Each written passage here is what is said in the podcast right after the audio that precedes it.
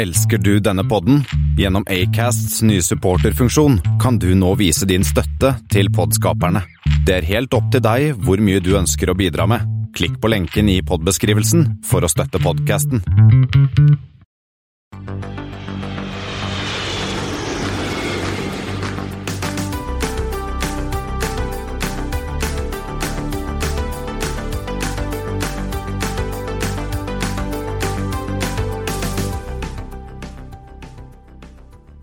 Hei og velkommen til eh, Flypodens juleflight 185. Og det er fantastisk å være tilbake for de som ikke kjenner meg. Mitt navn er Thomas Lone, og det er nydelig å være tilbake i Flypodden.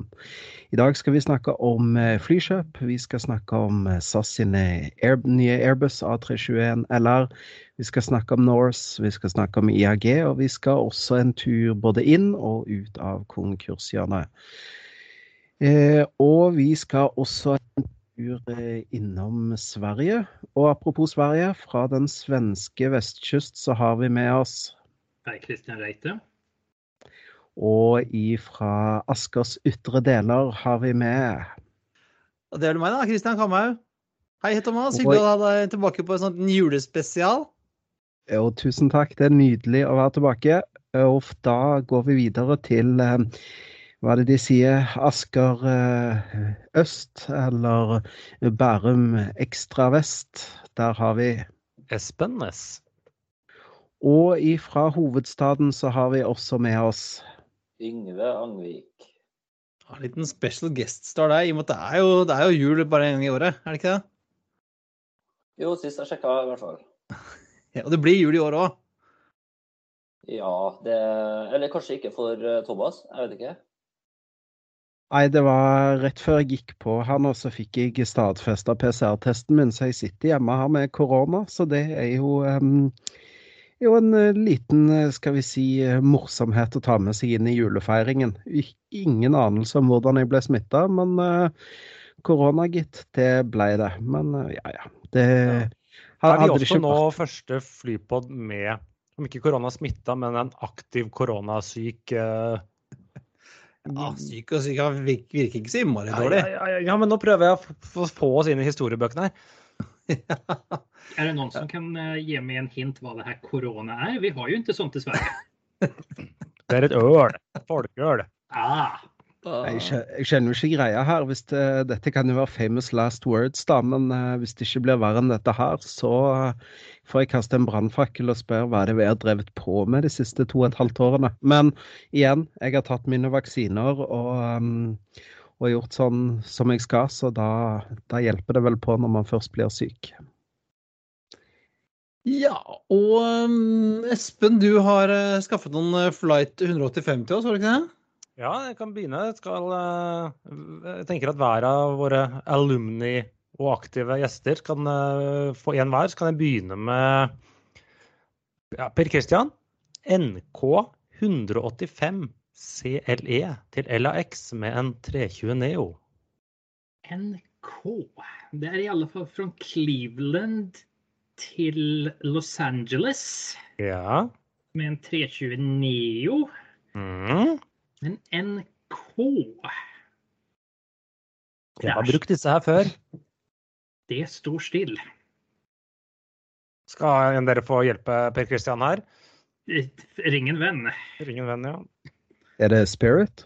Det er Spirit, ja. Det var det, ja. Da kan eh, Thomas ta neste. Den er en uh, riktig vanskelig en. SK185 ARN til AGH, stort sett med en ATR. Det må vel være kanskje X-Fly som flyr for SAS mellom Arna og er det E- Eng Engelholm eller Enge Engelholm Engel, eller Engelholm, ja. Engelholm, ja. Engelholm, ja. Vi kommer litt, vi kommer litt tilbake, så hold, Ja. den tanken. Og så er det til eh, Yngve AA185 JFK til LAX med en 321. Den er ikke den vanskeligste. Nei, må, må jeg svare på den, eller? eh? Nei, du trenger nesten ikke. Og så, så er Det er et tema. Hæ, er det et tema her? Det er ja, et tema. Ser du ikke Ja, det er faktisk- det, det, Det jeg, jeg, er, tenker, jeg tenker vi må, vi må ta fram Pet Shop Boys her. Go west, Ja, okay, life går- is peaceful. Ja, det, det, er, det er ikke det jeg tenker på. Men kan det ha med Angels? Ja! Los Angeles, Engelholm, same, same. Engler. Ah. Svensken tog revansj for Spirit. With spirits. Oh, vi trodde englene fantes bare bare i himmelen, men de fins også på flyplassen også, gitt. Og det her var Musikkpodden. Men er Engelholm eh, vest for Arlanda? Jeg tok en råsjanse der. Ja, ja, ja.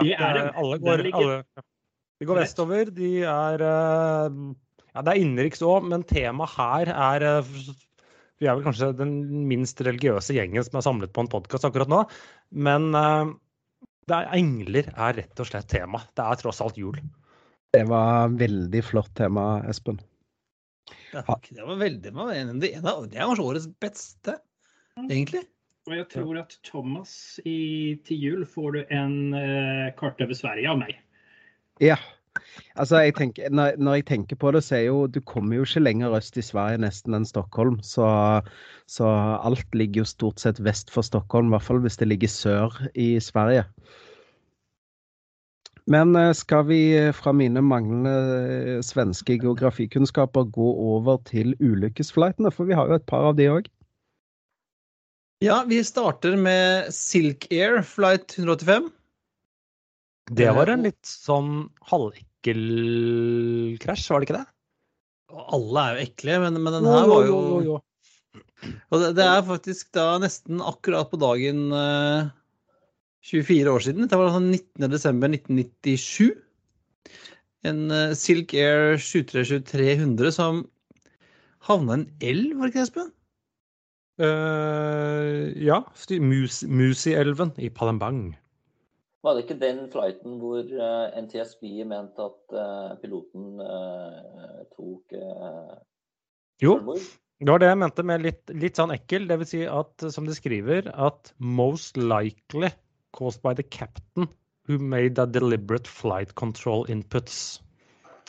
Eh, som eh, gjorde at flyet ikke, ikke lenger fløy, er vel kanskje det mest beskrivende be- betegnelsen, eh, betegnelsen der. Og så Man fikk vel aldri helt vite om det stemte eller ikke. og Silker si, var jo et annet, eh, eller er et regionalt selskap eh, av Singapore Airlines, men som snart blir en del av Singapore Airlines, eller allerede er det. Ja Men eh, det var jo litt rart, eller dette var jo en Altså, denne, Dette er jo en ulykke som har tre på en måte grunner da, til, eller tre forskjellige meninger til hvorfor dette gikk ned. Det ene var jo NTSB som sa at dette var selvmord. Eh, søsterorganisasjonen til NTSB i Indonesia mente at det var inconclusive. Det var ikke noe man kunne si, egentlig. Og så var det også en rettssak i Los Angeles der, de, der grunnen som retten landa på, var loss of control due to rudder malfunction. Så det er liksom Ja, det kan være så mye, egentlig, dette her. Det høres ut som en Kinderegg-ulykke. Three in one. Ja, det er jo ofte det at uh, Det er flere causes, da, men her eh, jeg, tror vel at uh, den herre Den herre selvmordsteorien er vel den som som vel de fleste teller mot, tror jeg. Ja, det kan vi nok Og så har vi da en eh, men sånn sett har vi en litt enklere uh, ulykkesflight nummer to. det er da Air Tahoma, eh, flight 185. En Convair 580 eh, frakter fløy for DHL Express mellom Memphis og Cincinnati. 13. Og malt i DHL-farger òg, så liksom, Ja. for han utenforstående så vil det se ut som et DHL-fly. 13. august eh, 2004. eh, To crew om bord, hvorav én omkom. Og visstnok denne skyldtes at eh, kapteinen ikke fulgte eh, retningslinjer for å flytte fuel mellom, mellom tankene. Så han gikk faktisk tom for fuel, eh, selv om han hadde fuel igjen på, på tanken. Det endte da i The World of Sports Golf Course utenfor Florence, utenfor Kentucky. Ja. Eh, Og fuel er kjekt å ha kontroll på, PC. Du som, du som er eneste som kan faktisk fly. Ja, med mindre du flyger elektriskt. Da får du ha koll på strøm. ja, det, det er også sant. Ja. Da går vi fra ulykker og, og fæle saker til eh, siste ukes nyheter. Og det, ja, det vet ikke det er noe, om det er så fælt, eh, PC, men eh, Ryanair de, de gir seg ikke. De skal øke mer de, på, på svenske destinasjoner. Ja, det verkar inte som det finns någon, någon stopp för vad våra vänner i Dublin eh, vill satsa på Stockholm. Eh, nu ser det ut som man vill starta två gånger i veckan till Rijeka i Kroatien. Och i tillägg två gånger weekly till Kiev i Ukraina. Och det som är intressant där är att vi har, där finns redan två aktörer. SAS och Ukraine International Airlines. Så um, det skal bli spennende å se hvem som går vinnende ur den fighten. For det er liksom ikke sånn at uh, svensker står i kø for å reise til Kiev, eller? Nei, det er en stor del sånn, hva skal man si, VFR, Visit Friends and Relative-trafikk. Uh, Men uh, det börjar, jeg tror også at svenskene börjar få opp øynene mer og mer for hva som finnes i Östeuropa. Men, men det er jo en liten sånn morsom sak. er En av de få flightene internasjonale flightene til SAS som har gått omtrent gjennom hele pandemien, var jo faktisk Oslo-Kiev en gang i uka. Precis. Det sier jo en del om altså, trafiken til og fra der. Hur, hva, hva, vad, vad vi har for relasjoner mellom Skandinavien og Ukraina.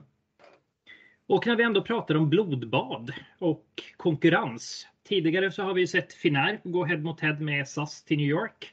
Sen kom Delta, och så, eller sen kom United och sa att ja, men det här tycker vi att vi, vi vill vara med på. Och nu kommer även Delta och vill vara med på festen. Så från nästa sommar så kommer stockholmarna ha inte mindre än fyra olika flygbolag som flyger direkt mellan Stockholm och New York.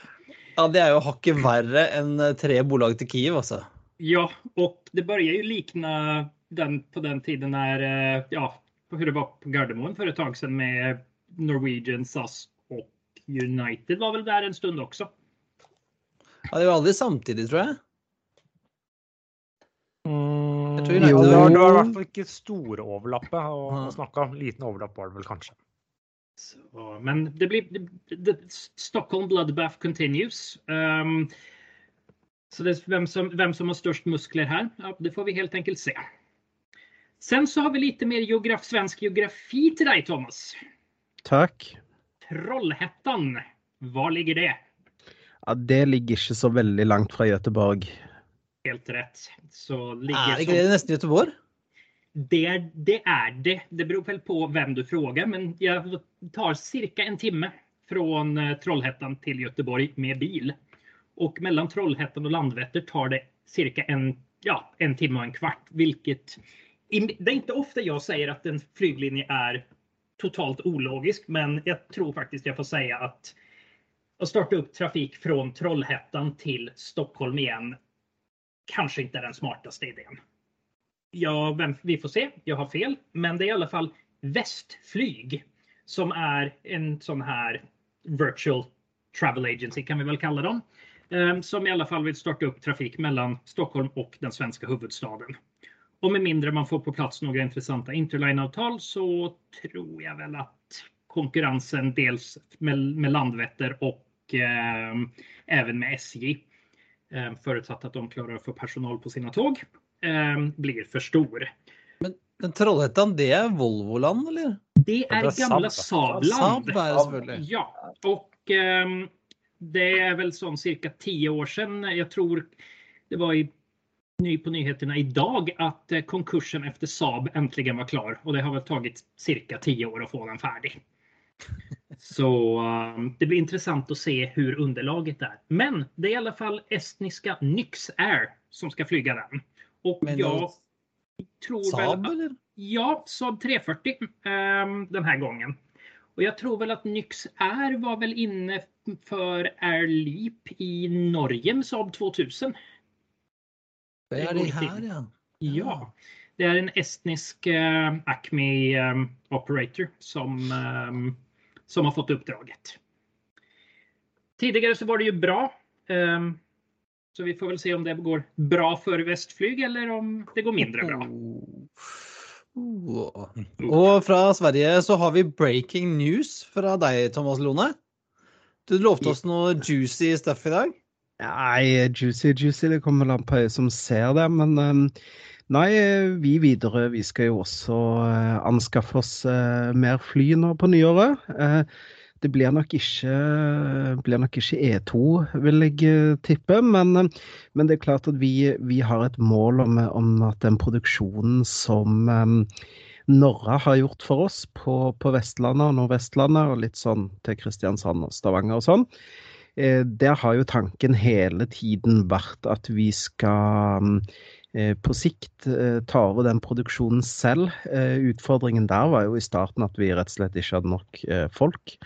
Men nå har vi jo kjørt i gang styrmannskurs. Som dere har sett, så har jo vi hatt annonser ute for å, å få, få, mer styrmenn inn i Widerøe. For vi har jo hatt en naturlig avgang av det under pandemien òg. Så, så, det var jo på en måte den største hovedutfordringen. Eh, og nå eh, på sikt så kommer jo også det som blir det logiske steg to, da. At vi må jo ha litt flykapasitet til å faktisk fly disse rutene selv.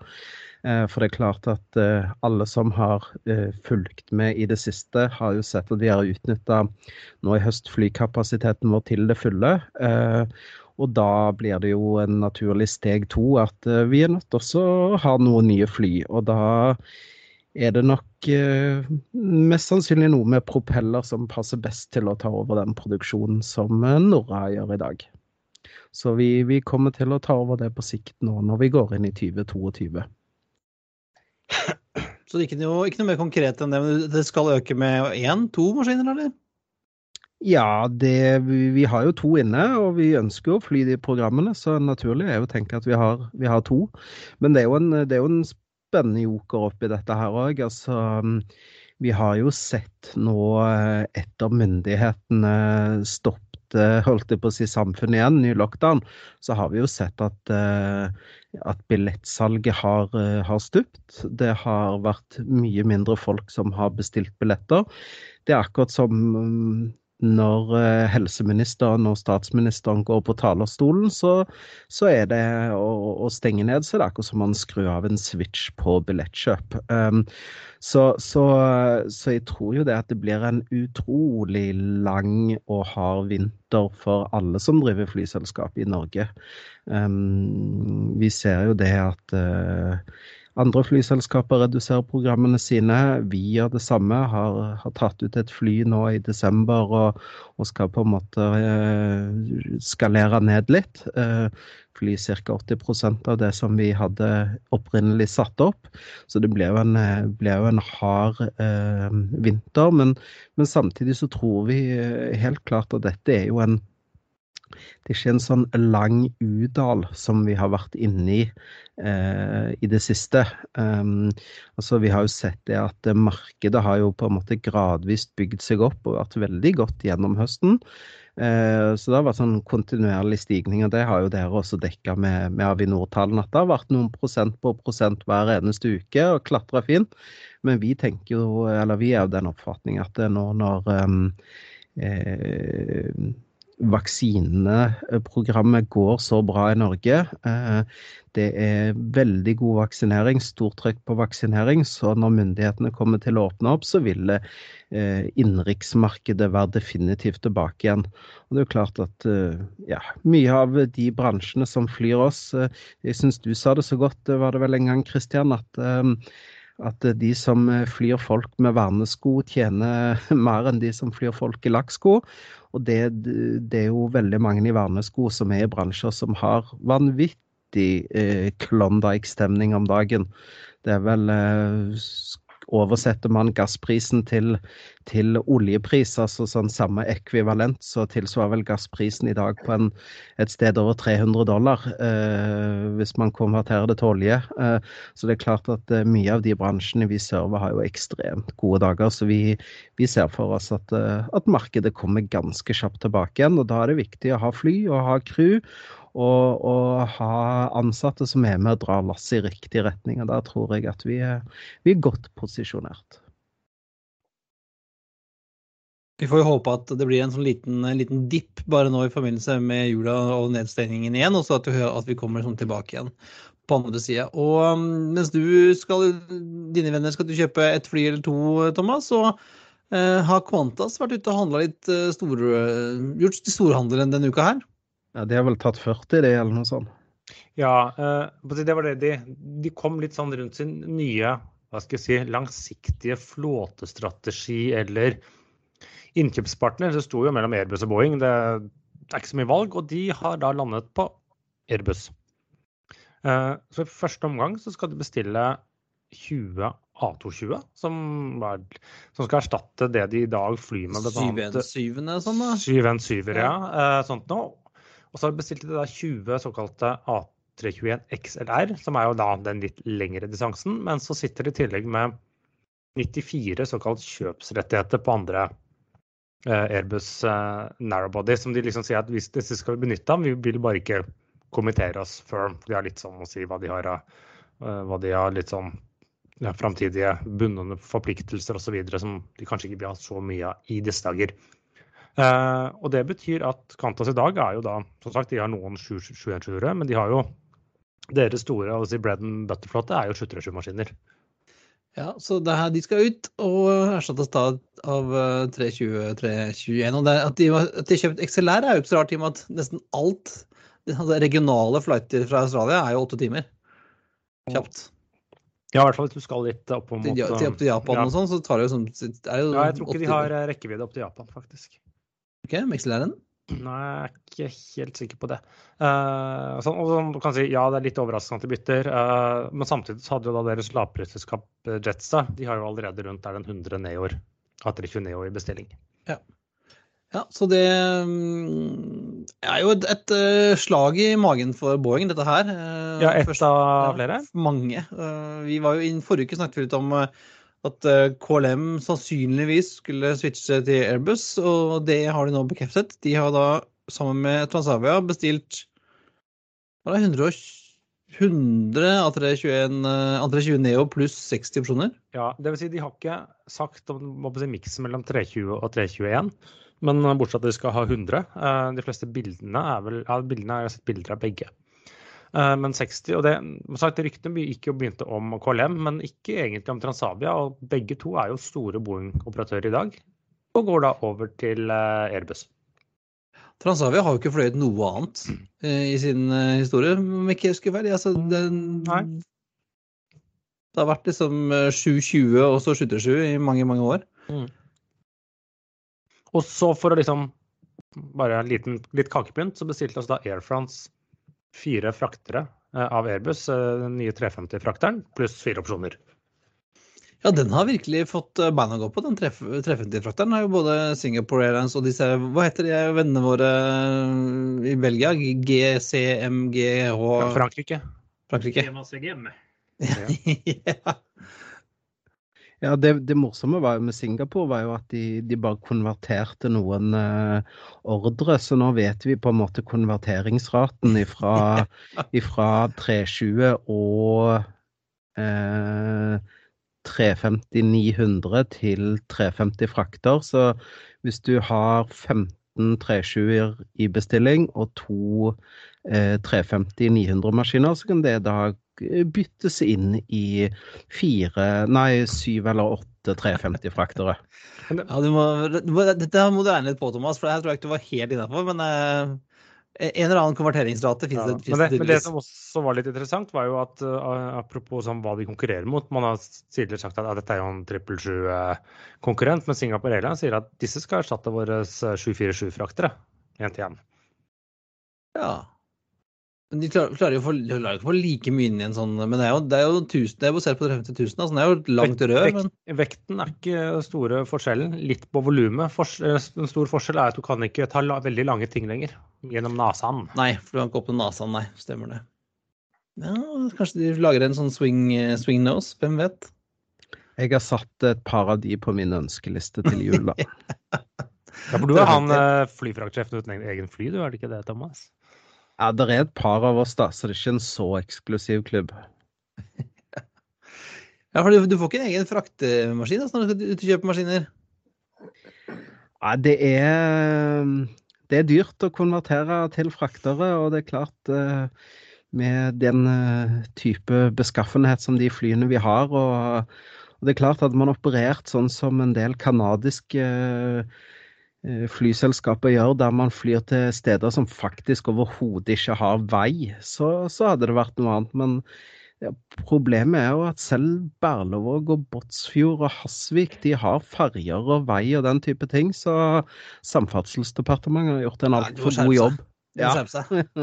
Det her kan vi ikke ha. Kan vi ikke ha nå. Du kan jo bruke uh, jernbane også, da. Nordover når vi er første gang. ja, det, det, er jo sant. Det, sånn, det går jo uh, masse frakttog via Sverige og opp til Narvik osv. Så, videre, så Så det, det, er nok litt for, ja, skal man si, stor konkurranse til at uh, det kan lønne seg på kort sikt å ha dedikerte fraktfly i Norge, da, som bare flyr i, rundt om i Norge. Og altså, et eller annet sted i verden så forsvant den invitasjonen vi skulle fått, Espen, til eh, å besøke og ta en kikk på nye A321 LR-en til SAS. Hva skjedde her egentlig? Ja, for Egentlig skulle de vise frem. Da var det bare du som skulle dra i København. For jeg fikk ikke lov til å forlate landet uten for mye konsekvenser, konsekvenser akkurat da. Men plutselig dukka han opp på OSL på en enkel ruteflyvning her om dagen. Ja, og nå skulle den vel fly eh, en tur til Washington også, skjønte jeg. Og så blir den satt inn på Skulle det? Jeg trodde den bare skulle til våren. Ja. Da hadde jeg misforstått. Nei, jeg tror det skulle faktisk Den går en one-off til Washington i morgen. Ja. Så uh, ser det ut som Noen skal, skal vi hive oss rundt? Jeg vet ikke. Nå er det jo litt sånn styr med Ikke du da, Thomas. Med... du kommer ikke inn i USA. Du kommer ikke noe sted, Thomas. Du har jo to Nei. sånne streker på graviditetstesten, holdt jeg på å si. Men uh, ja.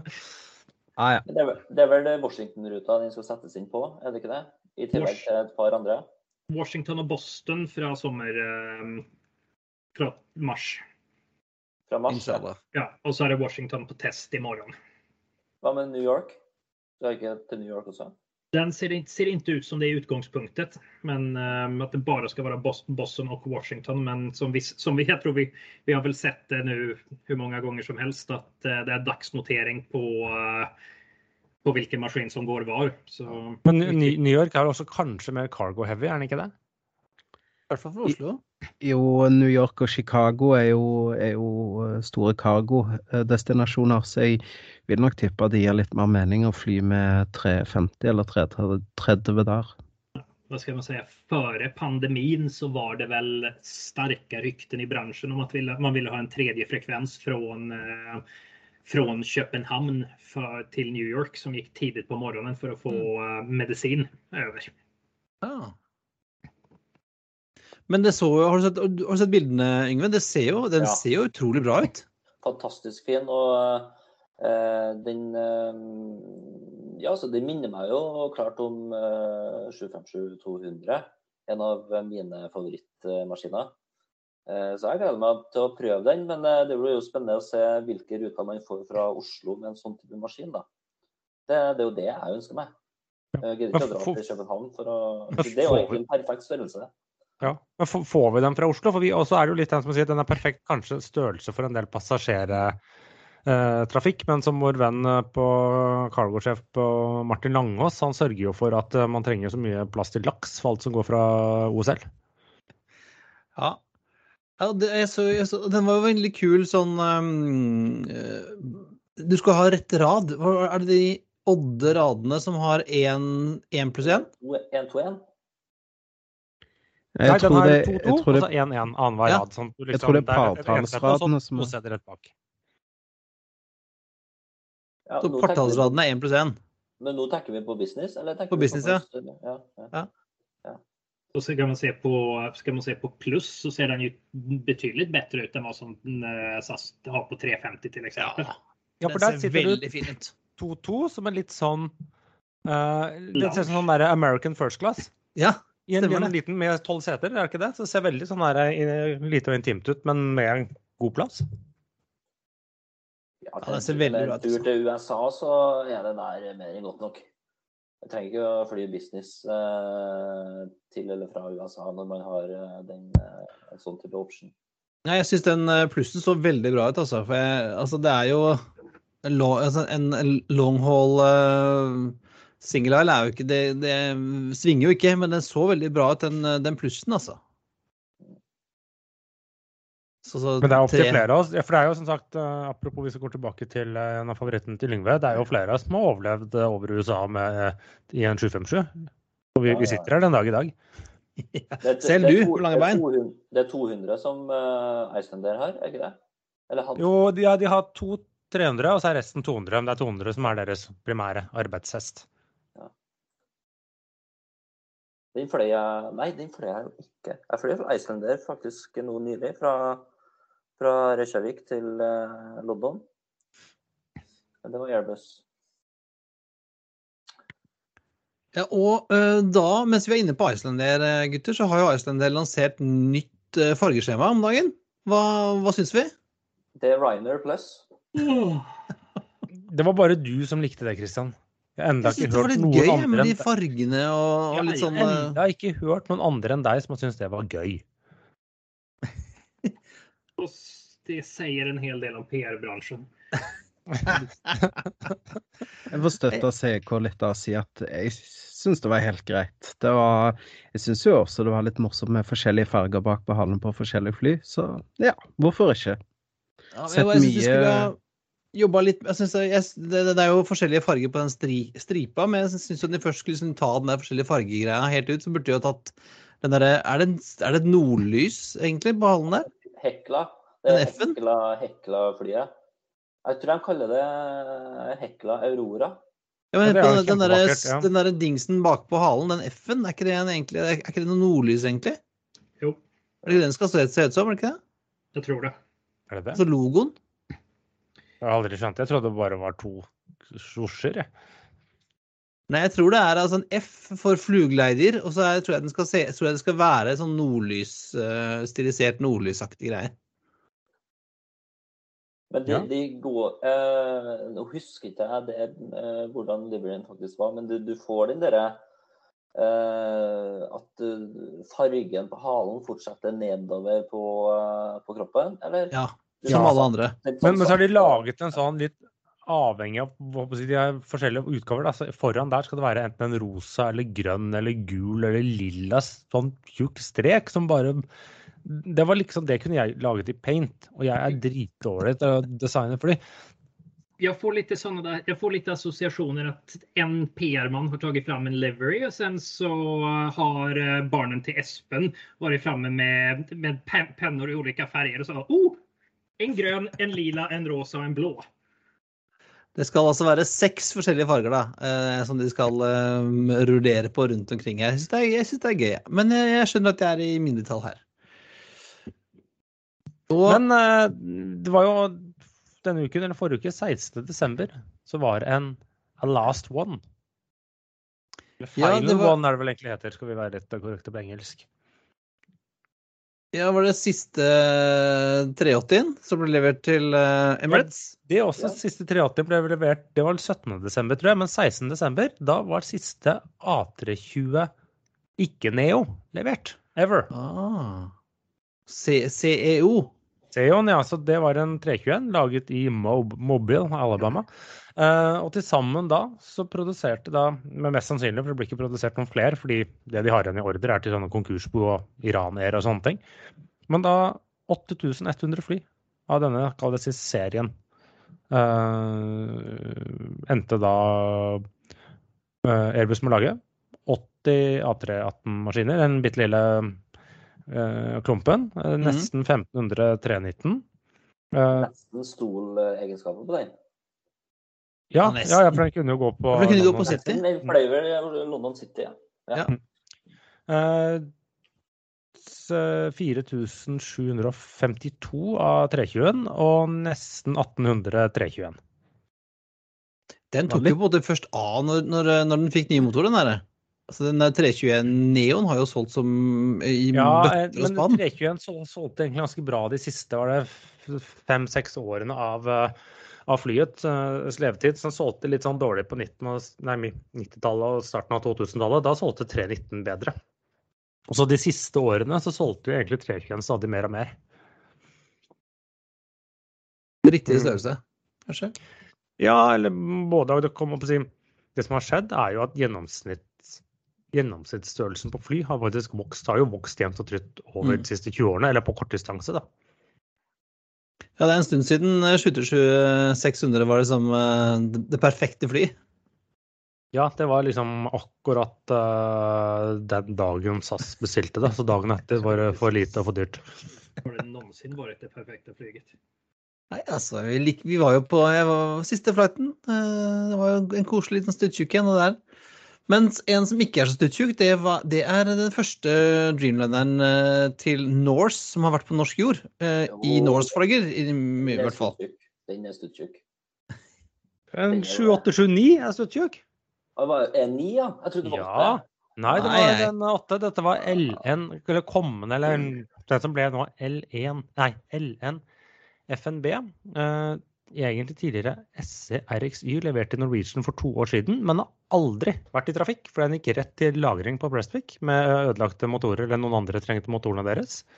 Eh, så den er jo egentlig Det er egentlig kliss ny, den da. den er egentlig kliss ny, men og den kom da i disse nye Norse-fargene. Jeg synes, I motsetning til Iceland, syns jeg Norse har fine farger. Ja. Ja, det er sant. Mm. Ja, helt enig.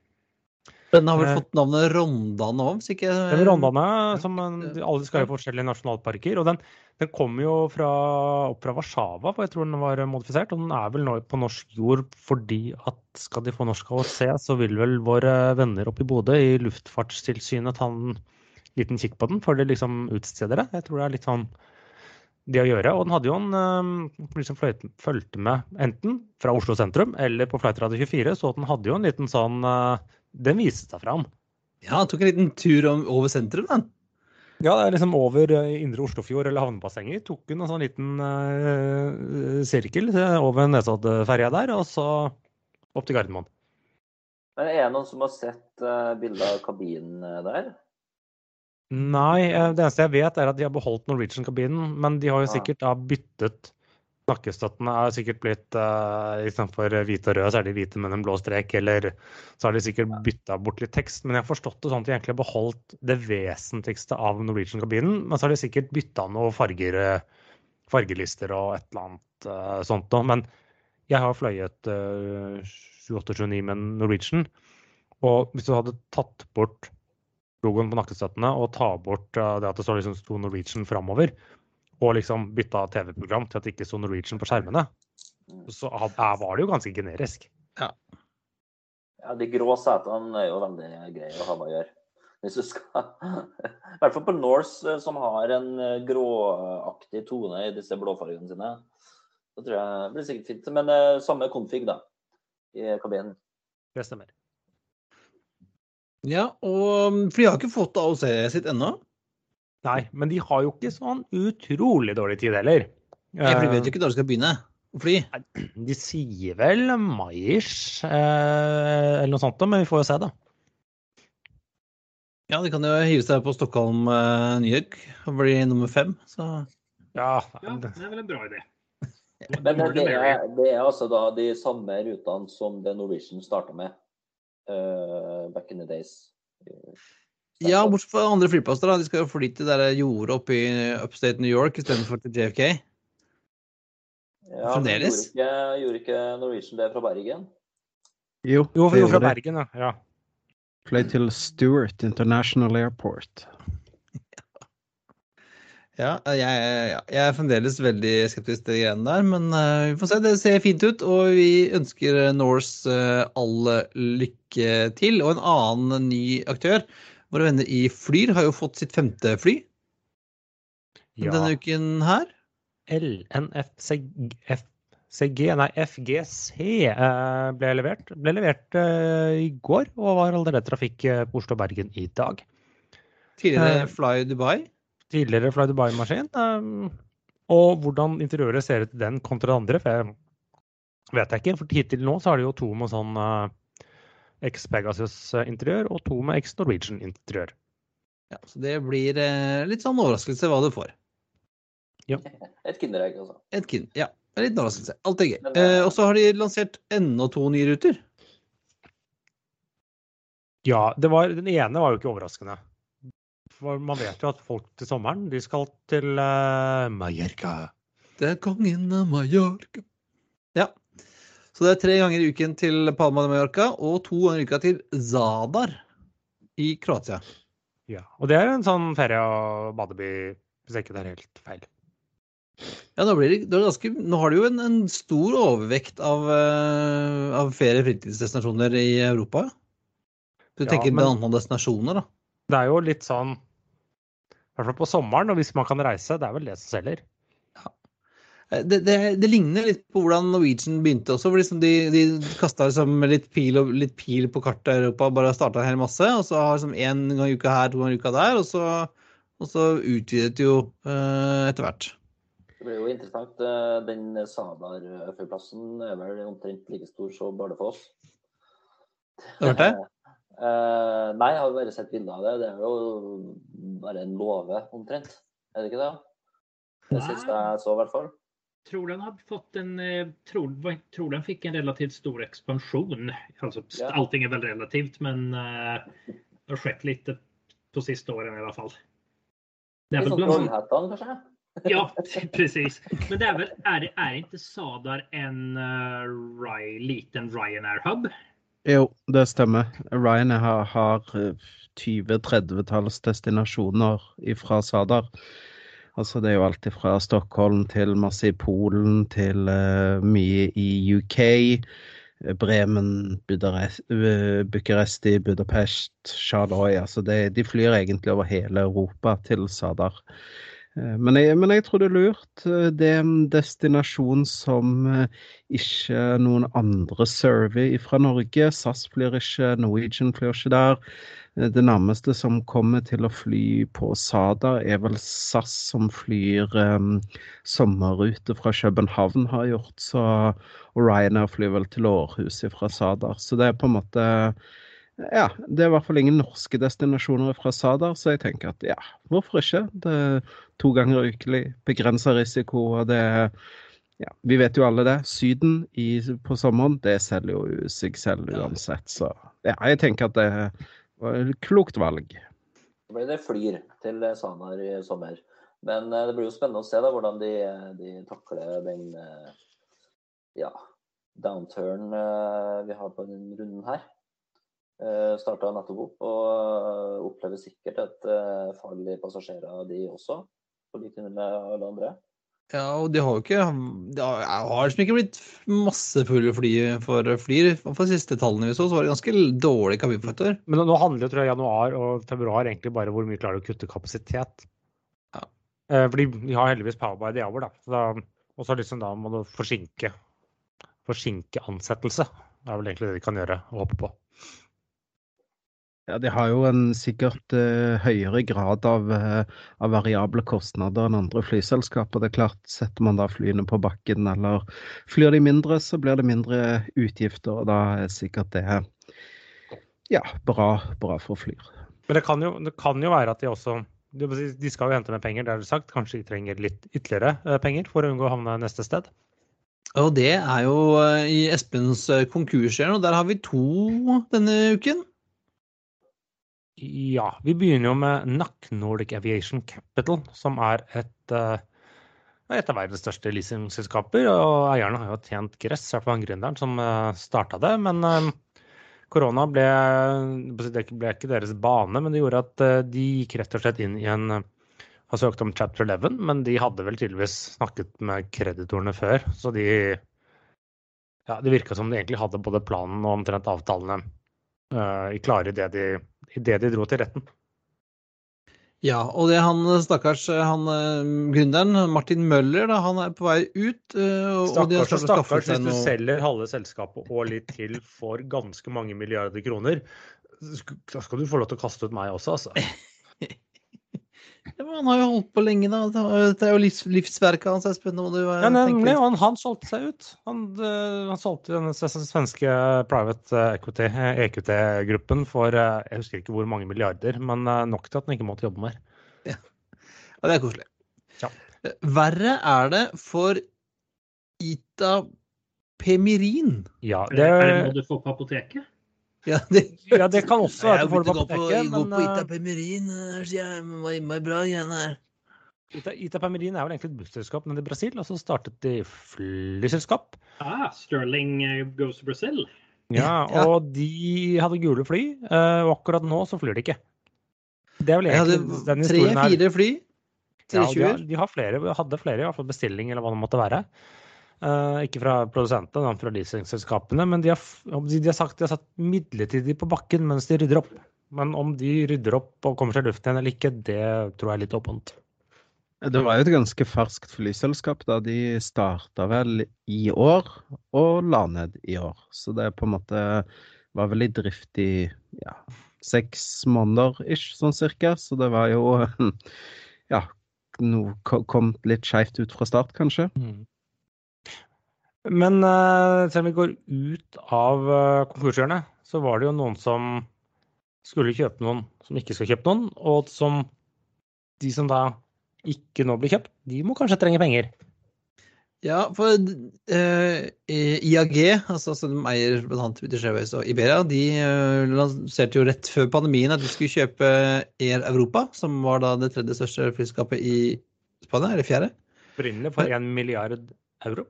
Ja, eh, og nå er det noen i London eh, og Madrid som har fått litt kalde føtter, for at eh, jeg hadde ikke så kjempestort behov for dette selskapet likevel, da, nå som ting gikk som det gikk. Og det var jo selv etter de hadde halvert prisen de måtte betale og sånne ting, men de har rett og slett trukket seg fra oppkjøpet.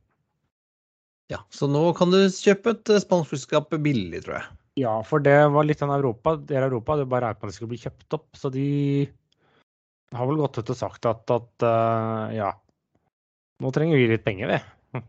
Fordi vi trodde vi skulle bli kjøpt opp, og ikke gjort så mye de siste to årene, tror jeg. Nei, ikke bra, ikke bra, ikke bra. Um, nei, vi får se da om hva det, hva det blir til. Uh, sier, IAG sier at de, de vil gjerne ut av den dealen, og kan hende at eh, noen skarpskodde spanske advokater prøver å tvinge dem til å fortsette, men uh, Ja, jeg lurer på om egentlig de kasta kortene, de også, slik jeg tolket det. Men jeg, jeg kan ha misforstått. Og vi var innom det før eh, i dag, Espen, men Air Leap uh, har jo fått mye kjeft på Røros fordi at de flyr Saab 340 og av en eller annen grunn ikke klarer å fly med full kjerre. Ja, det viser seg at Saab 340 ikke egner seg på vinterdrift på Røros, for de mangler noen sånn friksjonsmåleutstyr. Ikke flyplassen, men flyet, som alle andre har. Eh, Og da har det vært såpass store begrensninger på flyvningen at de rett og slett har måttet sette igjen passasjerer. Ja, og det er vår venn Eivind Bjung, som vi hadde mm, ble med til Røros for en stund siden, han, mm, ja, han og gjengen hans har ikke vært så happy med det. Nei.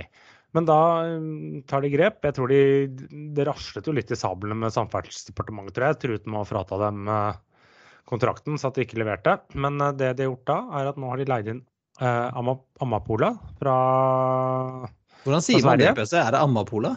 Amapola. Amapola. Ja.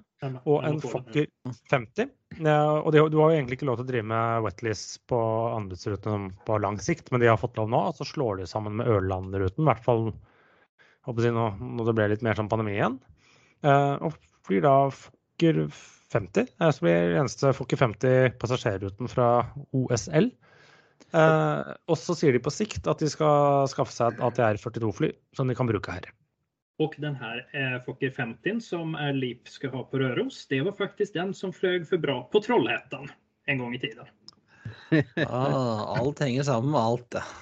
Men eh, ja, bare sånn liten uh, saksopplysning. Det var jo det at vi, uh, vi i Widerøe vi, uh, Så det har jo vært grunn til at dette skjer nå, at det ikke kan fly på Røros, er jo for det har kommet et nytt regelverk rundt dette med, med bremselengder på snø og denne type ting. Um, så, så, um, så det var en utfordring for alle norske flyselskaper, både SAS og Norwegian, alle som opererer på rullebaner der marginene kan være litt lav på snø. Tenk type Tromsø, eh, Kirkenes osv.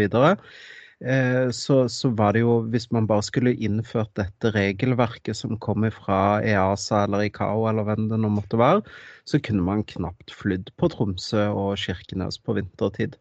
Men eh, der har tilsynet jobba med tilsynet i Europa og EU og har funnet noen eh, gode løsninger på det. Så, så da, men da er man jo, som, som dere nevnte, avhengig av det at man har um, bremsemålere i flyet, sånn at man kan faktisk eh, måle eh, bremseeffekten. At man ikke bare bruker en teoretisk eh, komponent, men at man faktisk eh, legger inn reell brem friksjon og, og, og bremselengde i, i, kalkuleringene. Så jeg tror, eh, uten at jeg har diskutert det, men med noen operative så tror jeg at det har blitt en god løsning. Jeg tror det funker for de fleste som flyr jevnlig i Norge.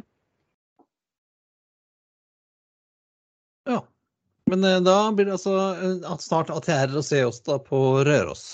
Det er bra.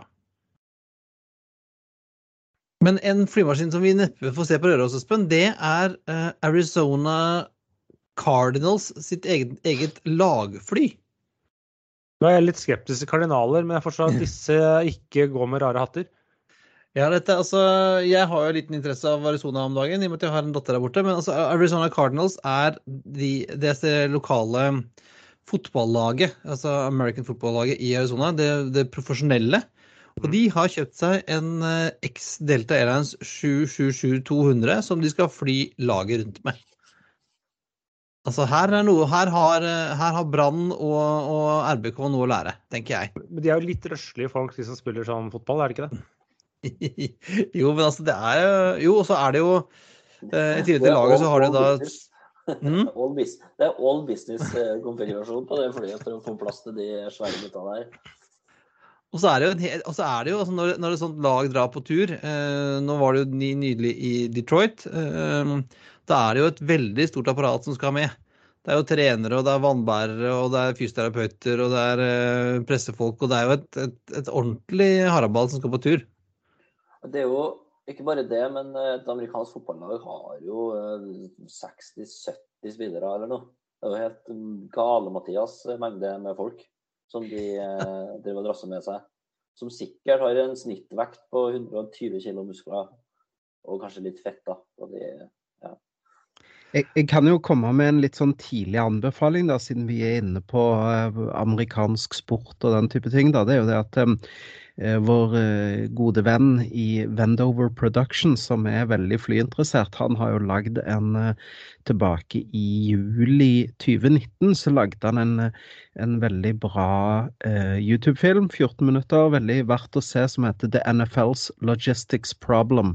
Ah, så der, yes, så der går han igjennom akkurat det vi snakker om nå. Hvordan flytter man alle disse lagene med disse dulionspillerne og støtteapparat og executives rundt i hele USA på en ganske tettpakka sesong når de skal spille hjemme- og bortekamper og you name it. Så eh, gå på YouTube, søk på The NFL's Logistics Problem, så ser du en video fra Vendover. Så lærer man alt om dette på en underholdende og pedagogisk måte.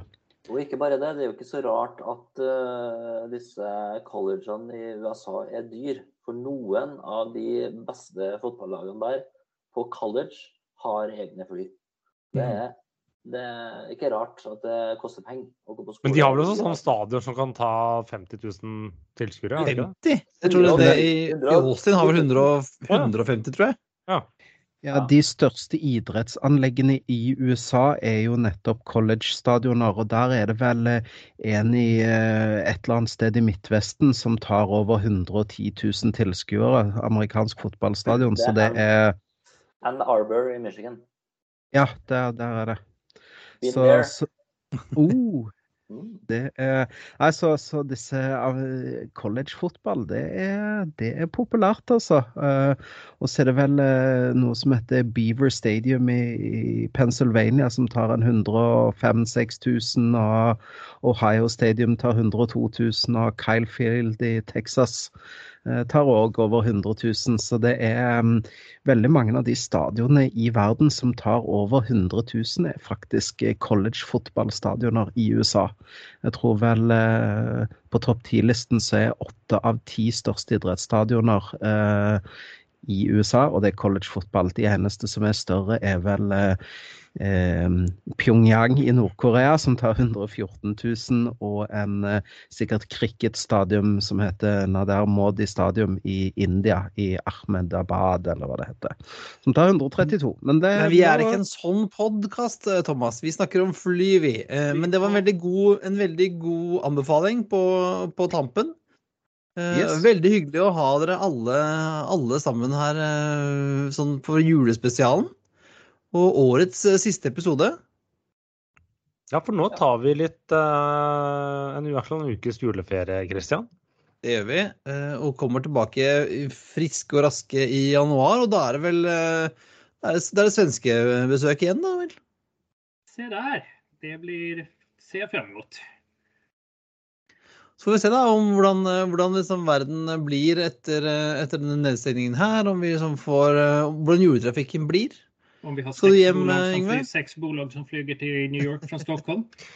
Jo, for det var jo apropos juletrafikken. Vi har jo egentlig ikke snakket om eh, passasjertallene, men det var faktisk en liten vekst, liten overraskende vekst i passasjertallene sist uke. Eh, Så var det du trodde, du trodde kanskje at folk skulle reise hjem på juleferie litt eh, tidlig, Christian, selv om det var litt overraskende at utenriks økte mest forrige uke. Ja.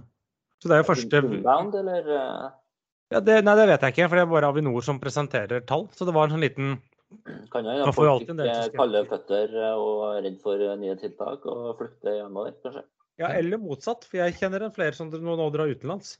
Så kan det også vært motsatt. At de bare Begge ja. deler. Ja. Det forklarer jo. Men eh, skal du hjem til jul, Yngve? Ja, og jeg tar, uh, tar bilen. Så jeg har, jeg har vakt gjennom hele jula, så, og jeg skal på bygda i Trøndelag. Og da er det greit å ha bil, sånn at jeg kan eh, sette meg kjapt i den og komme meg tilbake til Oslo. Hvis det skulle være behov for det. Du burde jo egentlig tatt og flydd Air Leap da, til Ørlandet, og så tar du hurtigbåten fra Brekstad inn til Trondheim, så hadde du gjort en skikkelig tur ut av det. Ja, det, det, det plager meg litt at den hurtigbåten går ikke via Orkanger. Selv om den Det er jo bare rett over fjorden, det. Ja, det er det, men den går ikke dit. Så, men eh, men eh, har vurdert å fly til Ørlandet flere ganger når jeg skulle ha dratt eh, til hytta på Fosen. Men det er jo litt stive priser på Airleap, da. Men hvis, hvis, du, hvis du gjør det nå i, i vinter, du, så kan du få flydd med Fokker 50 via Røros. Ja, det er et godt tips. Det noterer jeg meg. Det er supert, gutter. Dere får ha en eh, strålende jul, alle sammen. Og til eh, lytterne våre også, god jul, godt nyttår, og så ses vi på andre sida.